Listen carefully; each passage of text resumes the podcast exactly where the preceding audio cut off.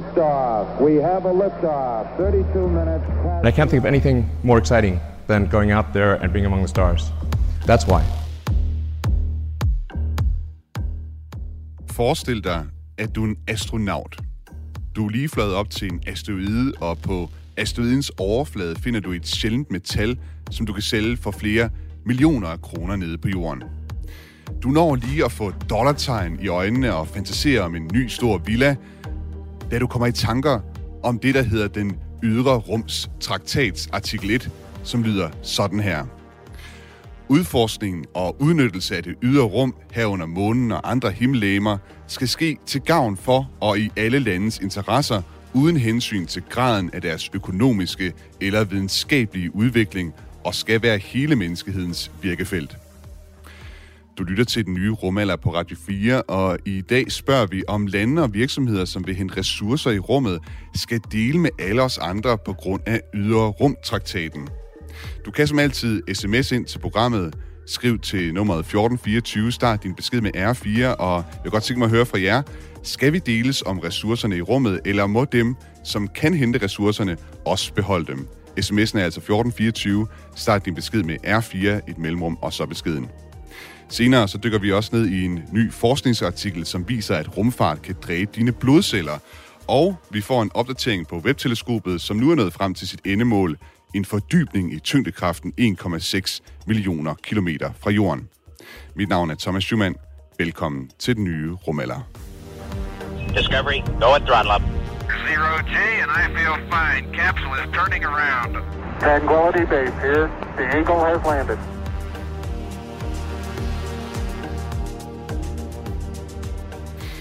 Det er faktisk en øh, lytter, som har givet mig ideen til dagens første tema. Det er Robert Arvidsen, som skrev til mig for noget tid siden.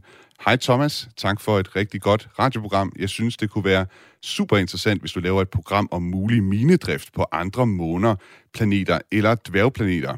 Det er lidt hypotetisk lige nu, men på den lange bane synes jeg, det er relevant. Er der nogle metaller eller mineraler, man vil skulle gå efter? Jeg tænker, at vi starter egentlig med at kigge på den del af minedriften senere, så kommer vi også til at dykke ned i nogle af de juridiske dilemmaer, der er i forbindelse med minedrift i rummet. Men først så skal jeg introducere Line Drube. Velkommen til den nye rumalder på Radio 4. Mange tak. Line Drube er projektkoordinator på DTU Space. Du beskæftiger dig indgående med asteroider og minedrift. Og sidst øh, du var med, der var du med den 21. oktober her i den nye rumalder, hvor vi talte om atombomber som forsvar mod asteroider. Og øh, Line, da vi, vi talte sammen i går om den her udsendelse, der, udsendelse, der fortalte du mig, at du faktisk øh, engang har prøvet at få en, altså prøvet på at få en øh, job i en virksomhed, som vil lave minedrift i rummet. Hvordan gik det? Jamen, det gik faktisk meget fint. Det var i, øh, jeg tror det er 2017, øh, hvor at det var virkelig det hotteste, det her med minedrift på asteroider, øh, hvor en masse firmaer var begyndt at, at starte op. Og det største firma hed Planetary Resources, og de havde fået penge til at komme afsted til den første øh, mission, hvor de skulle ud og lave, lave sådan nogle testbord øh, på en asteroide. Øh, og, der, og der søgte de en, en astronom, og det var første gang, jeg så et privat firma søge en astronom, og det tænkte jeg, det kunne være sjovt at være, være med i, sådan en opstartsfirma. Øh, så jeg søgte, og jeg var med til tre jobinterviews, og var på vej til den sidste, da firmaet gik ned. Nå, ja, det var da ærgerligt. så, ja, de startede ved at have, altså på det tidspunkt, der havde de sendt to missioner afsted, sådan i bane om jorden for at teste noget af deres hardware, så jeg troede, den var nogenlunde sikker. Øh, men, øh, men så trak, det var et australsk mineselskab, som egentlig ville ind og øh, som supporterede det her nye firma, og de trak sig. Okay. Så, og det var, så, og så, blev, så gik firmaet fra at have de her ikke, 100 ansatte til øh, to inden for en måned. Så, så det var heldigt nok, at jeg ikke havde stoppet mit andet job. Ja. Så går det nogle gange med de her startups og gode idéer, hvor man øh, tænker, der kan, skal man sige, der er en masse begejstring omkring det, og så lige pludselig falder det hele øh, til jorden. Lad os lige øh, kigge på nogle af de spørgsmål, som jeg fik øh, fra min lytter, Robert Arvidsen. Han spørger altså, om der er på måner, planeter og dværgplaneter, og jeg går ind også ud fra, at han tænker på asteroider her, altså om der er metaller eller mineraler, som man er på udkig efter. Jeg tænkte, øh, Line, hvad er det egentlig for ressourcer, man er interesseret i, når vi taler om at finde råstoffer i, i rummet? Er det guld, sølv og ædelstene? Det, der, det er der mange, der snakker om. Men, øh, men dem, der rent faktisk vil lave det, altså minedriftsselskaberne og sådan noget, det er egentlig ikke så meget sådan nogle ting, de, de kigger på. Øh, og det er fordi, at det er, det er utroligt svært at gøre. Det man faktisk, det første man vil gøre, det er, at man vil prøve at udvinde vand faktisk, øh, hvor man kan splitte enten H2O eller OH-forbindelser. Altså splitte det op i brint Okay. øh, og oxygen, fordi det kan man bruge til brændstof i satellitter og øh, rumskibe. Og, og grunden til, at man vil gøre det her, og hvorfor det er rentabelt i fremtiden, det er fordi lige nu, for eksempel alle de satellitter, vi har om jorden, som er virkelig mange, når man sender dem op, sender man op med en vis mængde brændstof, øh, som de bruger til at manøvrere i rummet. Altså for eksempel hvis en, øh, et andet rumskib kommer nær for dem, så skal de flytte sig. Mm. Øh, og de taber også højde med tiden, så derfor bruger man det her brændstof. Og når man så er udtømt, så bliver man nødt til at sende en ny satellit op. Altså det er det samme som hvis du købte en bil fyldt med benzin, og når så kørte du ind til den var tom, og så blev du nødt til at købe en ny bil. Og det virker ikke så Øh. smart, særligt ikke når de her satellitter, de Nej. koster flere øh, millioner dollars at, at, at udvikle og bygge, ikke? Jo, præcis. Og derfor så er tanken at prøve at udvinde det her brændstof, og så have sådan et brændstofdepot i rummet, hvor man så kan sende, mm. sende mindre fartøjer ud og, og tanke satellitter op. Hvordan, hvordan, så- vil man, undskyld, hvordan vil man konkret gøre det ved en asteroide? Altså prøve at udvinde øh, det her brint og den her ild, som altså kan bruges som, øh, som brændstof i satellitter. Hvordan helt konkret vil man gøre det? Ja, altså det, øh, om det er H2O, altså vand, vand bundet op i, afhænger af, om det er, altså hvor meget der er på øh, asteroiden, eller om det er OH-forbindelser, som også har brint og, øh, og hydrogen. Øh, det afhænger af, ja, hvilken type materialer der er. Øh, men det man vil gøre, for eksempel hvis der er is på overfladen, så kan du bare tage, og så har man sådan nogle idéer om at, at samle solens lys med store spejle, og så fokusere den ned på overfladen, og så simpelthen fordampe overfladen. Øh, det kan man egentlig også godt gøre med, med materialer, der har de her OH-forbindelser. Og der, altså, ja, simpelthen fordampe og Mhm. mm-hmm. frigive det her, det her øh, stof. Okay. Så det, der, det er der nogen, der snakker om. Der er også et firma, der hedder Tan, Trans Astra, tror jeg det var, hvor de vil også tage, tage stykker. Altså, de vil faktisk bare have vand ud, øh, og så vil de transportere vandet. Så de vil prøve at fordampe vandet, og så har de sådan nogle køleelementer, hvor at vandet så tiltrækkes på, og så, så går det fra gasform tilbage til at være, hvad hedder det, ja, Mm. til at være til isform, ikke? Okay. Og så vil man transportere vandet, og har sådan en vandmotor, de vil bruge. Øh, men de, de andre, for eksempel det der Planetary Resources og Deep Space Industry, som også var stort på et tidspunkt, altså Mm. de er stoppet nu, øh, det var at bruge gasformen Okay. som brændstof. Hvad med andre, altså hvis vi øh, så nærmer os, øh, hvad skal man sige, med ædelstenene og alt det her, altså er der andre ting ud over Ja. det her, man kan bruge til brændstof, som man også forestiller sig, man kunne bruge i rummet andre former for ressourcer? Jamen, en af de andre ting, som, som man snakker meget om, men det er, hvis man laver minidrift på månen, som nogen mener er et bedre idé end på asteroider faktisk, øh, der har man det, der hedder helium-3. Og det er, det er noget, som øh, man overvejer at bruge i, øh, hvad hedder det, i nuclear fusion, altså i mm. fusionsreaktorer, som er meget effektivt. Øh, og man har meget lidt af det på jorden. Grunden til, at man har det på i månens regolit, altså jord deroppe, det er på grund af solvinden. Så, så det er en af de andre ting, man, man håber på at lave minedrift, når man kommer på månen. Men ellers med asteroider, så er det øh, jern. Jern og nikkel, Okay, som helt tror jeg jern. bliver det næste. Ja. Jamen altså fordi, at man har jo, asteroider er jo de her, øh, nogle af dem er de her tidligere protoplaneter, altså hvor at man havde øh, en lille planet, hvor du har jernkerne, og så har du sådan en sten omkring øh, det. Altså, og når de her protoplaneter, som har været smeltet, og derfor jernen har, øh, har endt i midten af dem, så når du, nu, når du så senere smadrer dem her, eller ikke man, men altså når, når to asteroider sl- slår sammen og, og smadres, så får du nogle af de her stykker fra kernen, og det er næsten ren øh, jern-nikkel. Øh, og, og dem håber man, sådan nogle asteroider, som er næsten ren jern-nikkel, håber man også at få fat i, for at kunne bruge det til for eksempel at lave rumskibe og, eller store strukturer i rummet, hvis du vil øh, lave en månebase, eller en, ja, en månebase, eller en, en øh, rumbase, så kunne du bruge for eksempel, øh, altså jeg tror 3D-printning med jern vil være den helt store ting. Og hele pointen er jo, det koster ekstremt meget at sende det op fra jorden af. Mm. Altså hver eneste gang du skal have, du ved, et kilo øh, materiale op i rummet, så skal du cirka have 100 kilo brændstof. Mm. Øh, og det vil sige, hvis du skal have 1 kilo brændstof øh, til at flyve til Mars med, så skal der jo 100 kilo brændstof for at sende det op fra jorden af.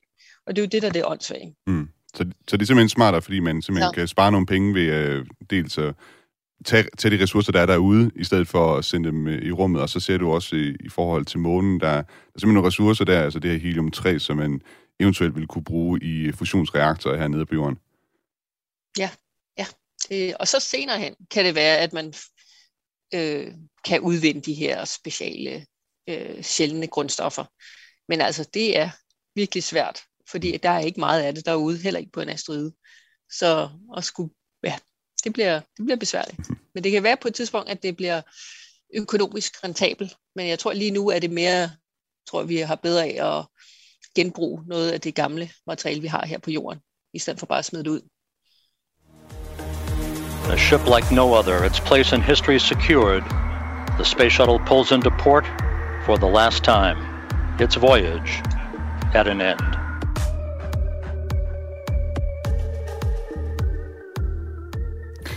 Line Drube, du bliver lige hængende her, mens det er, vi øh, dykker ned i øh, anden del af det, som man øh, taler om inden for minedrift i rummet. For som vi har kunnet konstatere indtil videre, så er der altså ressourcer at hente derude.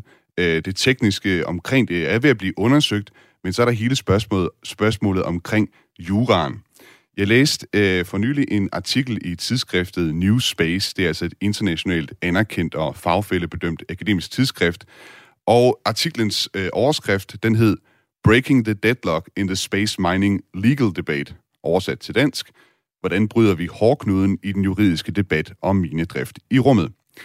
Forfatterne bag artiklen, det er Nikolaj Schmidt, lektor i politikvidenskab, og så er det Ph.D. i internationale studier Martin Svæk. De er begge to fra Universitetet i Prag, og de skriver altså i den her artikel, at den lovgivning, som USA, Luxembourg, de forenede arabiske emirater og Japan har lavet om minedrift i rummet, den lovgivning er i strid med ånden i Yderrum-traktaten fra 1967. Emilie Marley Simpson, velkommen til den nye rumalder. Mange tak, Thomas. Og øh, nogle lytter vil måske huske, at Emilie Marley Simpson er rumjurist øh, hos satellitproducenten GomSpace i Aalborg. Du har været med før for at tale om rumjura her på den nye rumalder.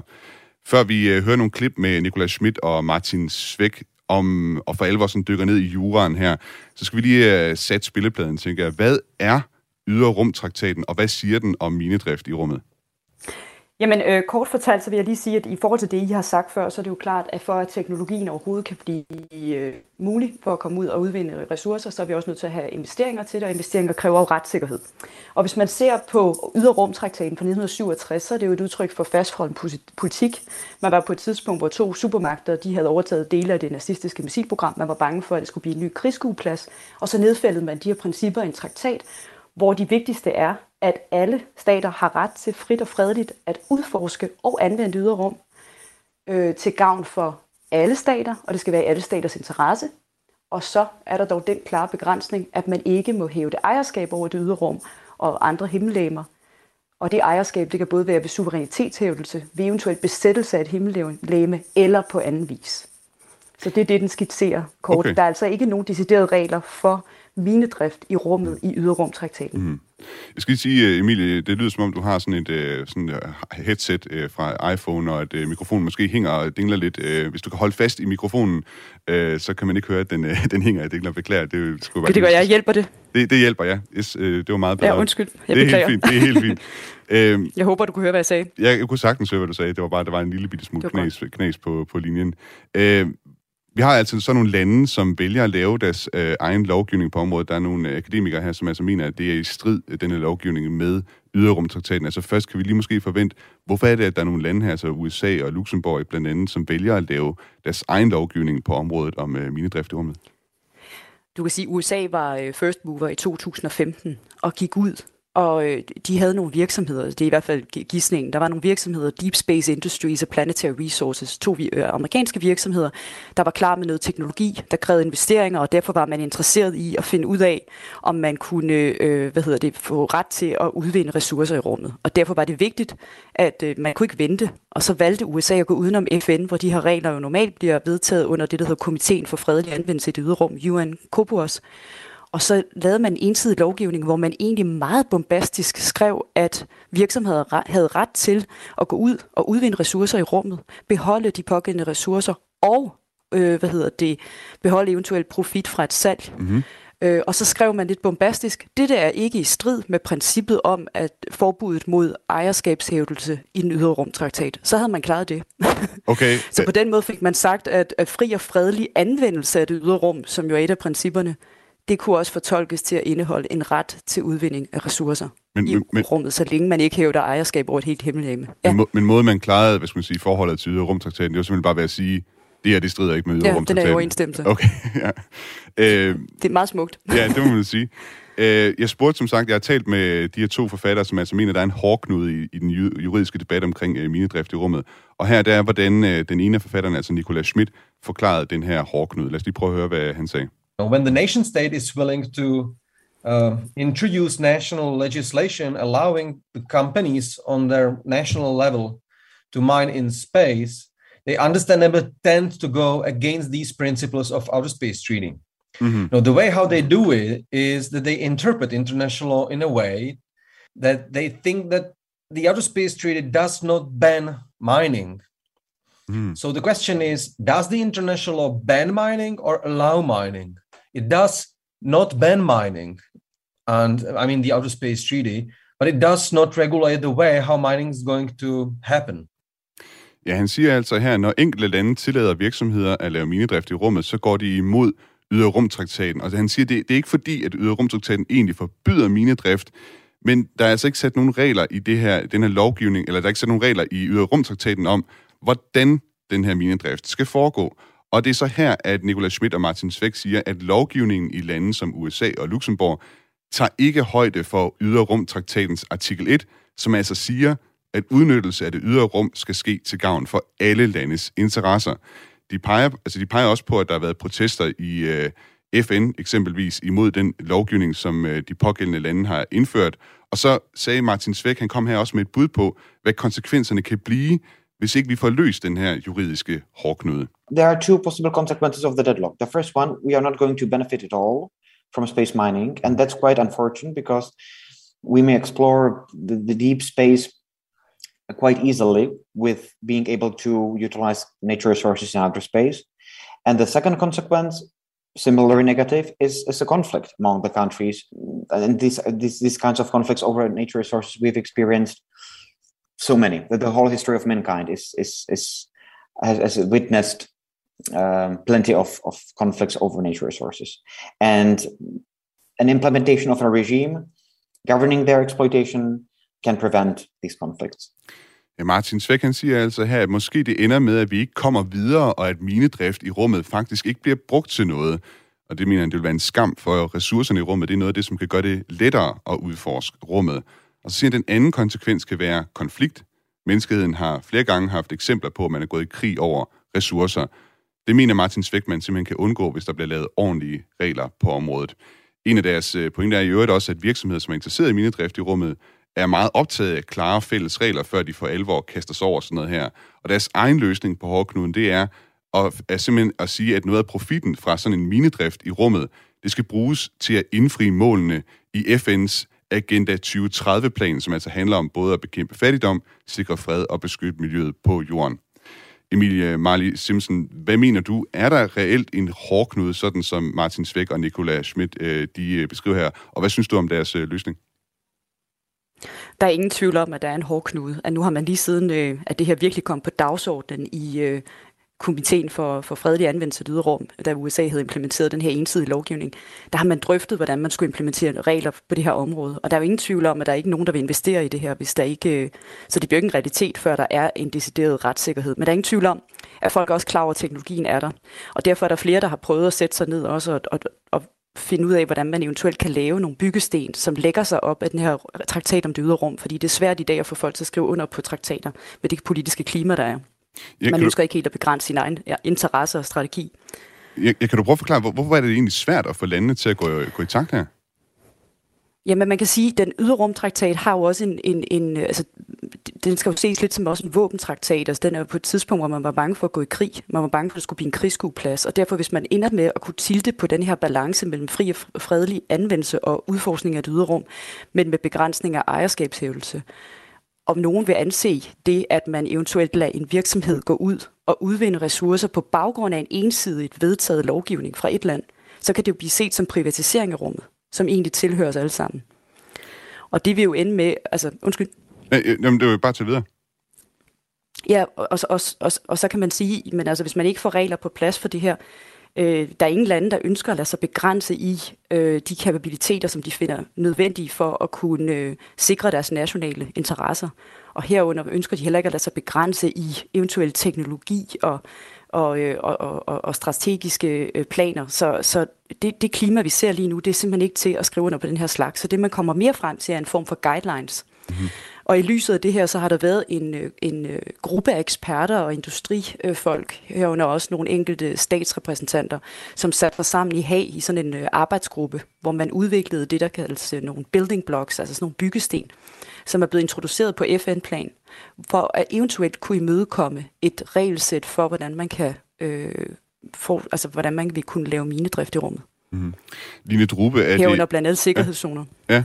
Line Drube, er, er det også i, i dine øjne, øh, hvad skal man sige, manglen på sådan fælles regler, som øh, måske gør, at det, det er svært at lave øh, minedrift i rummet? Altså det er en af dem, men jeg tror også, lige nu er det også teknologisk. Altså jeg synes, det er virkelig vigtigt, at vi skal have de her, øh, det, ja, det legal, det, det retslige øh, helt ned og, og klare det, før at vi begynder at lave minedrift. Mm. Og minedrift tror jeg først bliver rigtig op at køre her om ja, 10 år. Om 10 år? Det er den horisont, du giver ja. det? Ja. Ja, det vil jeg gætte på. Altså mm. grund til, at de, alle de her firmaer, som startede omkring 2012-13 stykker, da det var virkelig det store, og holdt cirka fem år, grund til, at de røg, de gik ned alle sammen. Det er fordi, at, at man ville have gerne have return of profit inden for, jeg tror, cirka 8 år. Og det, det var altså teknologien ikke til. Men øh, det tror jeg, den snart er ved at være der. Mm. Og så skal man altså have det her, det retslige øh, klaret, og det tager altså mange år. Mm. Sådan noget. Så, så jeg synes, det er virkelig godt, at man tager diskussionen op nu. Emilie Marley Simpson, det lyder også, når jeg har talt med folk, som om, at alle har lidt deres eget bud på, hvad skal man sige, hvordan man indfrier den her ydre rum traktats øh, artikel 1, øh, benefit for mankind, eller det skal gavne alle menneske, alle, alle altså hele menneskeheden, ikke? Øh, der, mm-hmm. Det lader ikke til, at der er så konkrete forestillinger nødvendigvis om, hvordan man helt præcis skal indfri det mål der. Nej, man kan sige, altså det, der er jo mange tiltag, blandt andet, at man eventuelt siger, at nogen, altså skulle man have missioner, hvor man, hvor man også inkluderer øh, folk fra tredje og mm. øh, som ikke nødvendigvis decideret får adgang til profitten fra en sådan mission, men eventuelt får lov til at deltage i det udviklings- og teknologiske udviklingsarbejde. Men man kan jo også gisne om, er der overhovedet nogen, der gider investere i det her, hvis de skal dele med hele verden. Mm.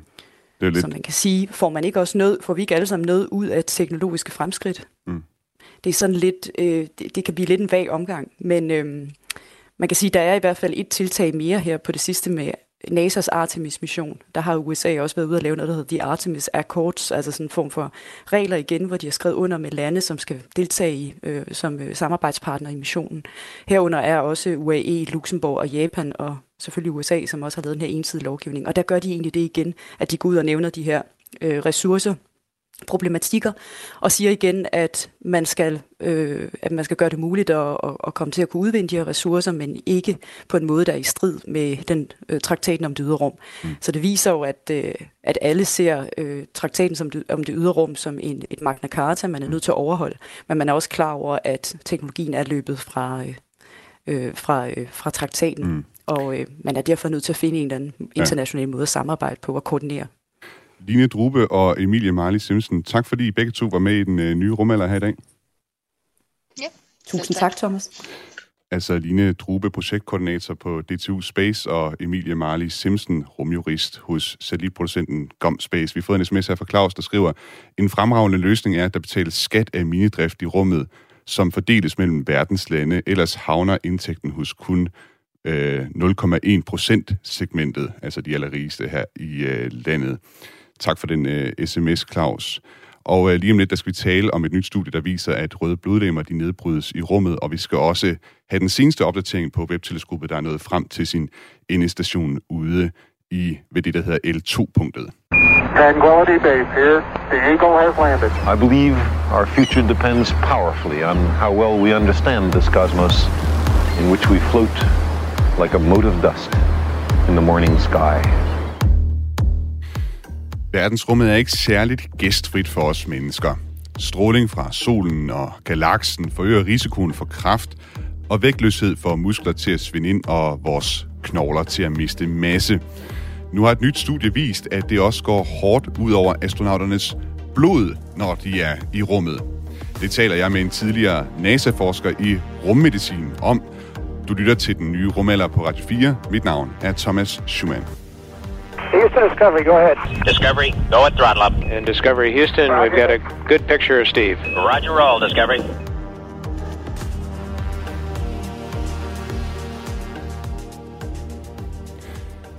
Et nyt studie fra det videnskabelige tidsskrift Nature viser, at der sker en meget større nedbrydning af røde blodlegemer i mennesker i rummet, end man hidtil har troet. Det kom som lidt af en overraskelse for en af medforfatterne bag det her nye studie. Han hedder professor, eller undskyld, han hedder ikke professor, han hedder Guy Trudel, og han er professor i medicin fra Ottawa Hospital Research Institute. It was a surprise on, on two fronts. First, by the extent of the results. We did not measure a smaller 5 or 10% increase in red blood cell destruction, but rather a large 54% in, a, in our group increase in, uh, in red blood cell destruction. And the second aspect was that uh, it was not happening just when one reaches space in the first few days, but it was ongoing for the entire duration of uh, an astronaut's time in space.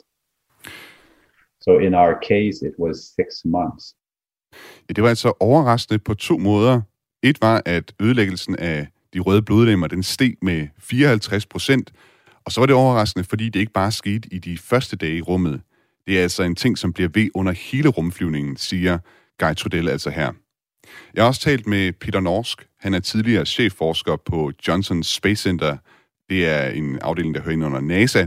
Og så er han også tidligere professor på Baylor College of Medicine i Texas. Han har blandt andet forsket i vægtløshedens negative påvirkninger på den menneskelige krop. Jeg spurgte ham, om han synes, resultatet fra det her nye studie var overraskende. Øh, jeg, var, jeg var overrasket over, at der er en øget nedbrydning af de røde blodlemmer i forhold til på jorden hele vejen igennem missionen på seks måneder. For jeg er enig med Gary Trudell om, at man ville forvente, kun skete i begyndelsen af missionen. Så det er korrekt. Og det falder i hak med andre ting, vi opdagede, hvor vi også troede, at det var kortvarigt, det der ville ske, når man var seks måneder i rummet, hvor ændringerne bliver ved. Så det passer ind i et billede af andre ændringer, hvor vi har været overrasket. Jeg vil lige sige, at det ikke er et spørgsmål om, at 50% eller 30% af de røde blodlemmer bliver nedbrudt. Det er en 30% øgning i nedbrydningen. Mm. Og nedbrydningen er meget lav i forvejen. Så det vil sige, at det resultat, der kommer ud af det, er ikke, at man har særlig mange færre røde blodlemmer. Okay. Man har lidt færre, end man vil have på jorden, men det er slet ikke kritisk, og det er slet ikke noget, som man vil gøre noget ved i det omfang, øh, man har set. Det han ser, det er bare en tendens. Han ser en øget nedbrydning i forhold til den normale nedbrydning, der ellers sker på jorden, og den øgede nedbrydning kan muligvis, hvis den bliver ved i endnu længere tid, og hvis den tager til, når man for eksempel er endnu længere i rummet, kunne blive et problem. Men han har ikke set det som et problem endnu. Man kan også sige, at jeg kender i hvert fald heller ikke eksempler til astronauter, der ligefrem er omkommet på grund af, af hvad skal man sige, blodceller, der er blevet destrueret. Nej, nej, altså, vi, nej, nej, vi er slet ikke... Nej, nej, altså jeg vil lige have lov at sige, øh, og det må jeg jo også sige som tidligere rummediciner i NASA, det er 100% sikkert at flyve i rummet i 6 måneder, og der er ikke tale om, at man kan måle... Man kan godt måle, at der er færre røde blodlemmer efter en flyvning i rummet, men det er inden for det normale område, så man er ikke syg eller noget som helst. Som jeg kunne forstå, øh, da jeg talte med ham også, så øh, årsagen til, at øh, de røde, altså der er den her større nedbrydning af øh, røde blodceller, og at den ligesom er, er konstant, eller hvad skal man sige, den fortsætter hele flyvningen igennem, den har man ikke helt fundet frem til endnu. Nej, man har ikke fundet årsagen, fordi hans målemetoder giver ikke anledning til at forstå mekanismerne. Han kan bare måle, at der er en øget nedbrydning af en eller anden art. Mm. Altså han bruger flere forskellige biomarkører, blandt andet kolilte i lungernes alveoler, som er let øget. Det kan stamme fra nedbrydning af røde blodlemmer. Det overbevisende i hans fund er så, at han også har fundet øget nedbrydning af hemoglobin og andre biomarkører for det, for eksempel øget jern i blodet og sådan noget.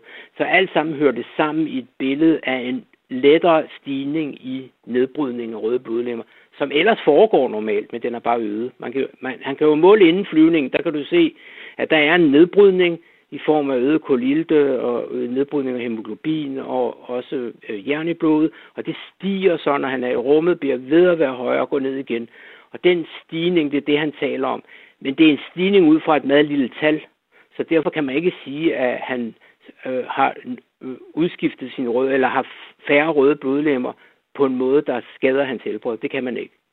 Tværtimod kan man faktisk sige, at når man kommer i rummet, så sker der faktisk, så har man ikke brug for så meget blod i kroppen, fordi man flyder lettere rundt, man bruger ikke så mange kræfter for at bevæge sig. Mm. Du er jo ligesom svævende frit, når du er i vand for eksempel. Du skal ikke bruge kræfter på at modarbejde tyngdekraften. Så når du ikke har brug for så meget blod, så vil væsken trække sig lidt sammen. Du vil have mindre væske i dit blodsystem, og du vil også have færre røde blodlegemer. Det er helt normalt. Det usædvanlige er bare, at den nedbrydning bliver ved i de mm. seks måneder, og det er overraskende. Og så er spørgsmålet så, hvad sker der så efter de der seks måneder, hvis man begynder at sende mennesker for eksempel til Mars, eller noget af den stil, altså hvor det er ja. meget længere rumrejser. Altså der er, vi, der er måske så noget mere ja. usikker grund at, at stå på i forhold til at vide, hvor skadeligt det egentlig vil være for astronauter at sende dem øh, ud på endnu længere rumrejser. Ja. Er det rigtigt forstået? Helt korrekt. Og det bliver meget spændende, fordi allerede i 2025, altså om 3-4 år, der vil man sende de første mennesker tilbage til månen, og der vil ske månelandinger. Vi vil have den første kvinde på månens overflade, og den første farvede person. Det er noget, man lige har besluttet i mm. NASA, eller med hensyn til en farvet person er det lige blevet besluttet, og med hensyn til kvinden, der skal være den første, blev det besluttet for et par år siden. Og det vil sige, så går man bag Van Allen-bælterne, der beskytter jorden mod solen og det kosmiske rums radioaktive bestråling, og det vil sige, så bliver astronauterne udsat for øget bestråling, og det kan måske accelerere nedbrydning af de røde blodlemmer, og derfor, derfor skal vi holde øje med det i meget høj grad. Og hvis man så senere skal til Mars, som er planen i begyndelsen eller midt 30'erne, det vil sige omkring om cirka 15 år, øh, så kunne det blive et endnu større problem, fordi man så er tre år i rummet og udsættes for bestråling i meget lang tid. Så det er helt relevant at se på denne her problemstilling i det perspektiv. Nu jeg har dig, Peter Norsk, øh, og fordi du har forsket i det her i, i så lang tid, så kunne jeg også godt tænke mig at spørge, altså ud over selve det her studie, som altså handler om øh, ødelæggelsen af blod, øh, røde blodlegemer i, øh, i kroppen, hvad der ellers er sådan inden for forskningen, man ved af negative indvirkninger på astronautkroppene, når det er, at de, de er i rummet. Altså jeg ved jo for eksempel sådan noget som muskelmasse og sådan noget, det er, det er nogle af de ting, man mister. Man mister, mister også knoglemasse. Men er der andre ting, som vi kender fra forskningen, vi ved, som, hvor at rumfart ligesom kan forårsage sygdomme i astronauter? Ja, det største problem, vi har, og som NASA arbejder med, det er, at den øh, blodvolumenforskydning, der sker op imod hovedet, altså hjerte og hoved, når man er vægtløs, fordi tyngdekraften trækker jo ikke blod og væske ned mod benene, når man er i rummet. Den forskydning af blod og væske op imod hjerte og hoved, det giver faktisk et tryk i nogle af karrene, især i nogle af de altså venerne i hovedet, og det betyder, at man er, vi er faktisk noget bekymret for, hvordan det påvirker øjet, fordi man har set, vi har set øh, væskeudtrædning i øjet, som følger den forskydning, og om det på samme måde kan påvirke hjernens funktion, hvor måske det, at man har astronauterne har svært, eller det tager cirka 6 uger, før man har tilpasset sig rummets omstændigheder og kan bevæge sig frit rundt, det kan muligvis skyldes denne forskydning. Og det, som NASA er særlig bekymret for, det er om den blodvolumenforskydning, som bliver ved, og i højere grad også bliver ved, end vi havde troet, om det kan være særlig skadeligt når man er på meget lange missioner til månen og Mars. Så det er det største problem, vi har. Øh, muskler og knogler, det er korrekt, men det bliver modvirket ganske effektivt af det øh, træningsudstyr, der er på rumstationen i øjeblikket. Problemet er så at få et, at få et træningsudstyr, der er effektivt med til månen og Mars, fordi der må det ikke fylde ret meget. Så det er sådan en teknisk udfordring, som blandt andet øh, et dansk firma, der hedder Danish Aerospace Company i Odense, er med til at, at løse. Det er meget sjovt, at der er et dansk firma med. Jeg har ikke noget at gøre med dem overhovedet, men det er fantastisk interessant, at Danmark har fået øh, indret mere eller mindre på at levere træningsudstyret til NASA's fremtidige missioner. Men det bliver løst med det problem. Blodforskydning er et stort problem. Immunforsvaret, immunsystemet svækkes en lille smule af at være i rummet, og hvis man er det i lang tid, kan det også blive et problem. Så det er alt sammen noget, vi skal se på, fordi vi ikke ved, hvordan det dybe rum med øget bestråling påvirker de her parametre.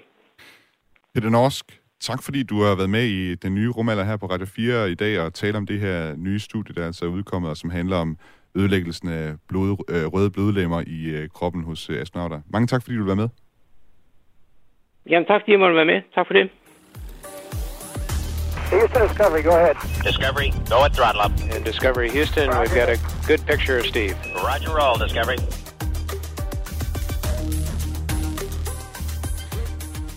Her på den øh, nye rumalder, der har vi øh, fulgt rigtig meget med i webteleskopet, som altså blev sendt op øh, anden juledag. Et 65 milliarder kroner dyrt teleskop, som øh, skal ud og kigge på noget af det aller tidligste lys i universet. I mandags, altså næsten en præcis, præcis en måned efter opsendelsen, der ankom James Webb-teleskopet så til sin endestation, et punkt i rummet, der kaldes L2. Og nu kan jeg sige uh, velkommen til Thomas Greve, professor på DTU Space. Velkommen til den nye rumalder. Tak skal du have. God formiddag. God formiddag. Nu, kom, uh, nu har vi altså set, at uh, web ligesom er ankommet til sin destination øh, L2-punktet, og vi dykker lidt ned i, hvad det der L2-punkt det er for en størrelse lige om lidt. Men øh, først, øh, kan vi så øh, nu endelig ånde op? Ja, det begynder at hjælpe på det, vil jeg sige. Øh, så det er sådan, øh, som du sagde, altså James Webb øh, ankom til L2-punktet i, i forgårs, øh, og nu øh, står de næste par måneder indtil godt og vel april, der, øh, der skal de ligesom øh, fokusere teleskopet og, og face teleskopet, altså sørge for, at, at alle, øh, alting er, som det skal være, og så fra omkring april og så til omkring øh, starten af juli, der skal de øh, karakterisere instrumenterne og verificere, at instrumenterne, altså detektorerne om, ombord på teleskopet, faktisk øh, fungerer, som, som vi håber, at de, de gør. Mm. Og, grunden til at sige, at vi øh, i det hele taget stiller det spørgsmål, om vi kan ånde lidt op, det er fordi, det er et utroligt delikat øh, instrument, som øh, har været længe ja. undervejs. Det, som jeg sagde, det er 65 milliarder, kroner dyrt. Det har haft alle de her ting, der skulle udfoldes. Et stort øh, solskjold på størrelse med en, en tennisbane med hundredvis af forskellige ting, der skulle gå fuldstændig korrekt, ellers så ville uh, teleskopet ikke fungere. Så altså det her spejl også, der ligesom skulle folde sig ud ude i, uh, ude i rummet. Øhm, Thomas, øh, den her parkeringsplads, som jeg kalder den, altså det her såkaldte L2-punkt, det kaldes også et Lagrange-punkt. Hvad er et Lagrange-punkt, og hvorfor har man sendt webteleskopet derhen? Ja, så øh, det er... Øh, Lagrange-punkt, det er, øh, det er den, den franske Newton, kalder man ham, en fransk matematiker, der hedder Joseph Louis Lagrange, øh, som han var interesseret i øh, at, at øh, beskrive planeternes øh, baner i solsystemet ved hjælp af Newtons klassiske mekanik. Øh, og Newtons klassiske mekanik kan meget vel beskrive, øh, når man har bare to lamer, altså øh, for eksempel jorden, der kredser om solen. Men hvis man skal begynde at, at løse uh, Newtons ligninger for øh, bare et trelæme-problem, så bliver det meget, meget svært, øh, og det er faktisk øh, ikke muligt at gøre det analytisk, øh, altså at beskrive det med en ligning. Man skal gøre det ved hjælp af computer. Øhm, men der er dog uh, specialtilfælde, hvor man godt kan finde en analytisk løsning for et trelæme-problem. Øhm, og det er netop i, uh, der er nogle, nogle konfigurationer, nogle punkter øh, i, i solsystemet, hvor uh, man kan beskrive et trelæme-problem.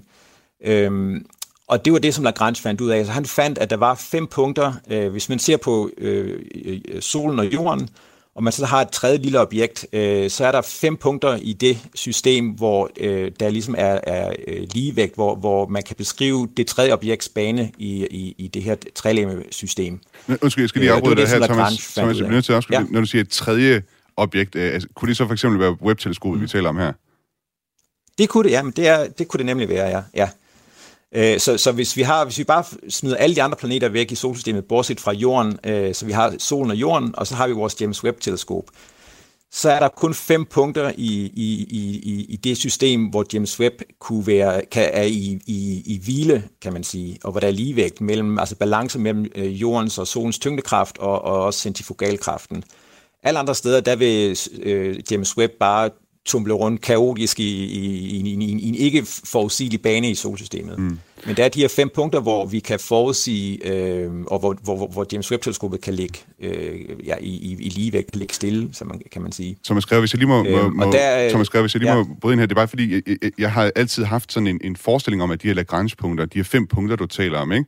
at det er sådan et, mm. en, en slags, øh, kan man kalde det en slags fordybning i tyngdekraften. Det er sådan, jeg selv har forstået det i hvert fald, altså hvor at jordens og, og solens tyngdekraft, de spiller sammen, og så skaber de sådan nogle punkter rundt omkring øh, i jordens mm. bane, rundt om solen, som er sådan, hvad skal man sige, nærmest en, en, en lille dal, eller sådan noget, altså en, en fordybning, så at sige, i, i tyngdekraften. Er det sådan, man skal forstå det?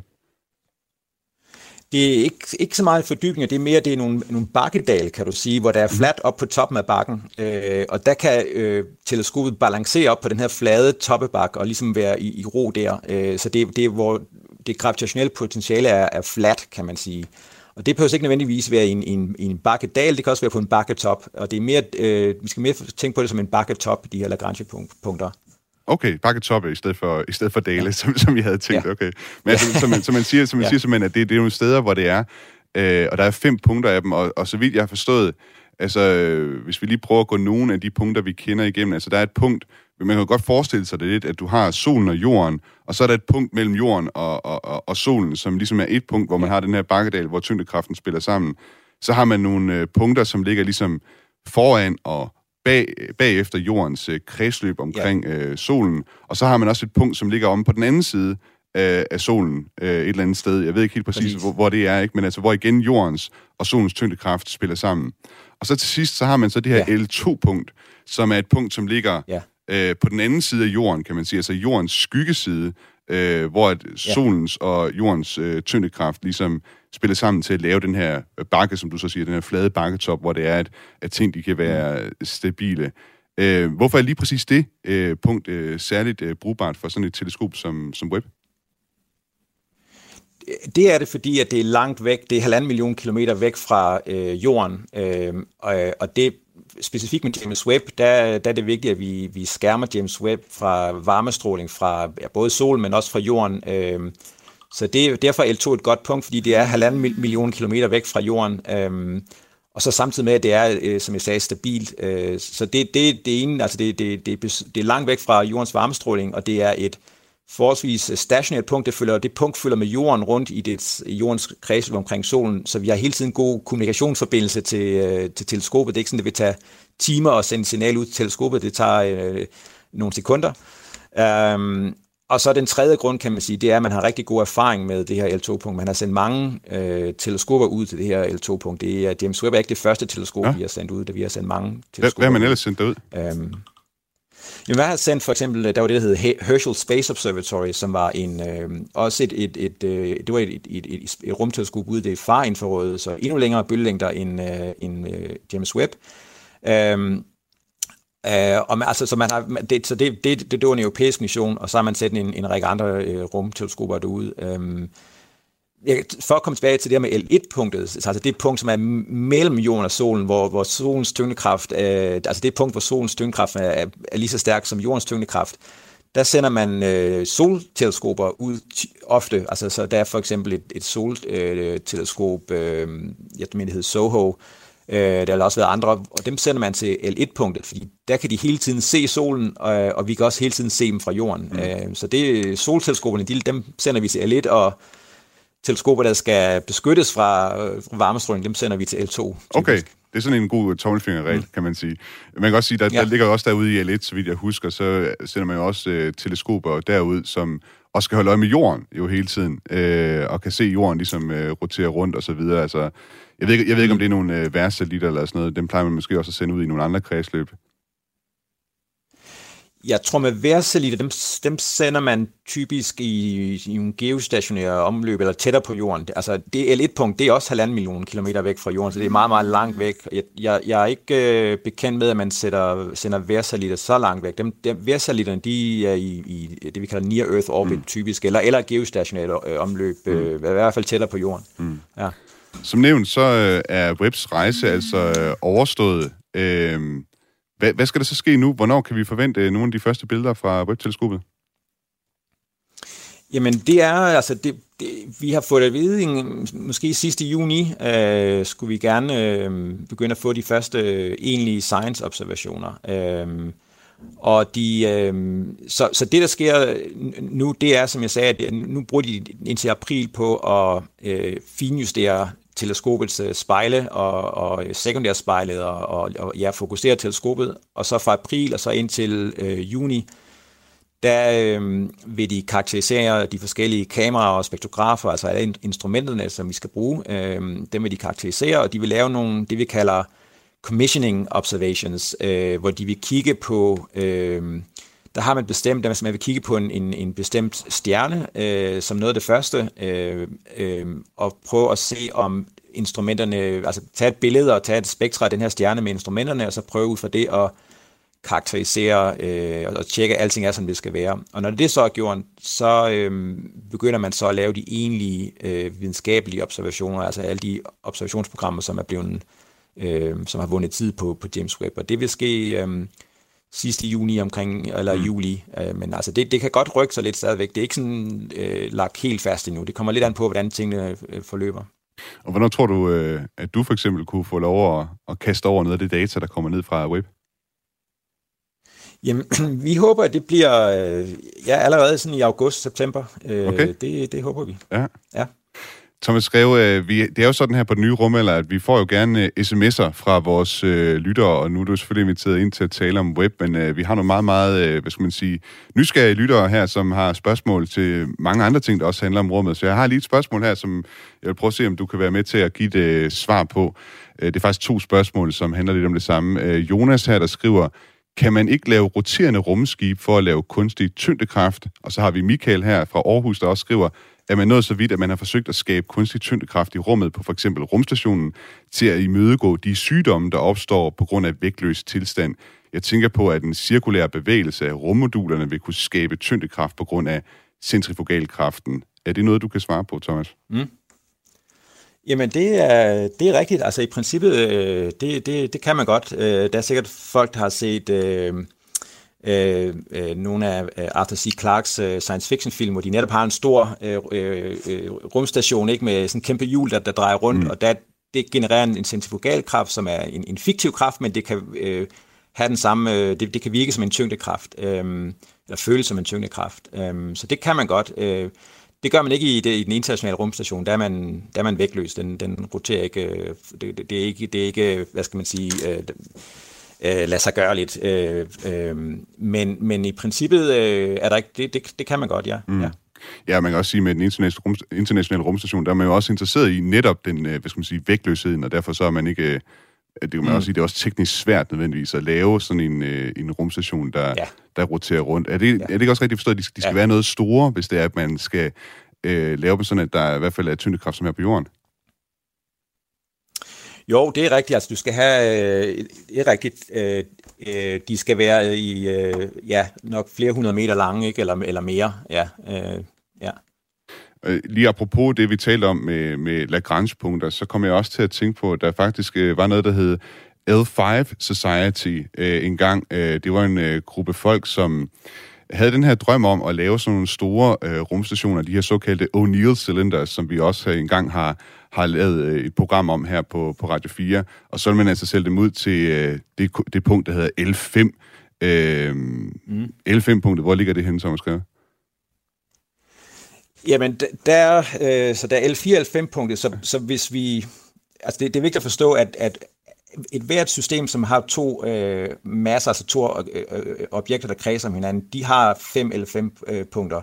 Så jorden og solen har 5 eller 5 punkter, men jorden og Jupiter har også 5 eller 5 punkter, okay. og jorden og månen har 5 eller 5 punkter. Men hvis vi snakker om det L5 punkter, der svarer til jorden og, og solen, så, øh, hvad hedder, øh, undskyld, Jorden og, og, og Jupiter, undskyld, ja. så, øh, så vil det øh, svare til, at hvis du tager en, øh, en linje mellem Jorden og Jupiter, og så, hvad hedder det, øh, og så danner en, en, en, en ligevinklet trekant øh, til, til to andre punkter på, på øh, Jupiters omkreds. Det, der vil de to andre punkter, det vil være øh, L5 øh, og L4-punktet. Okay.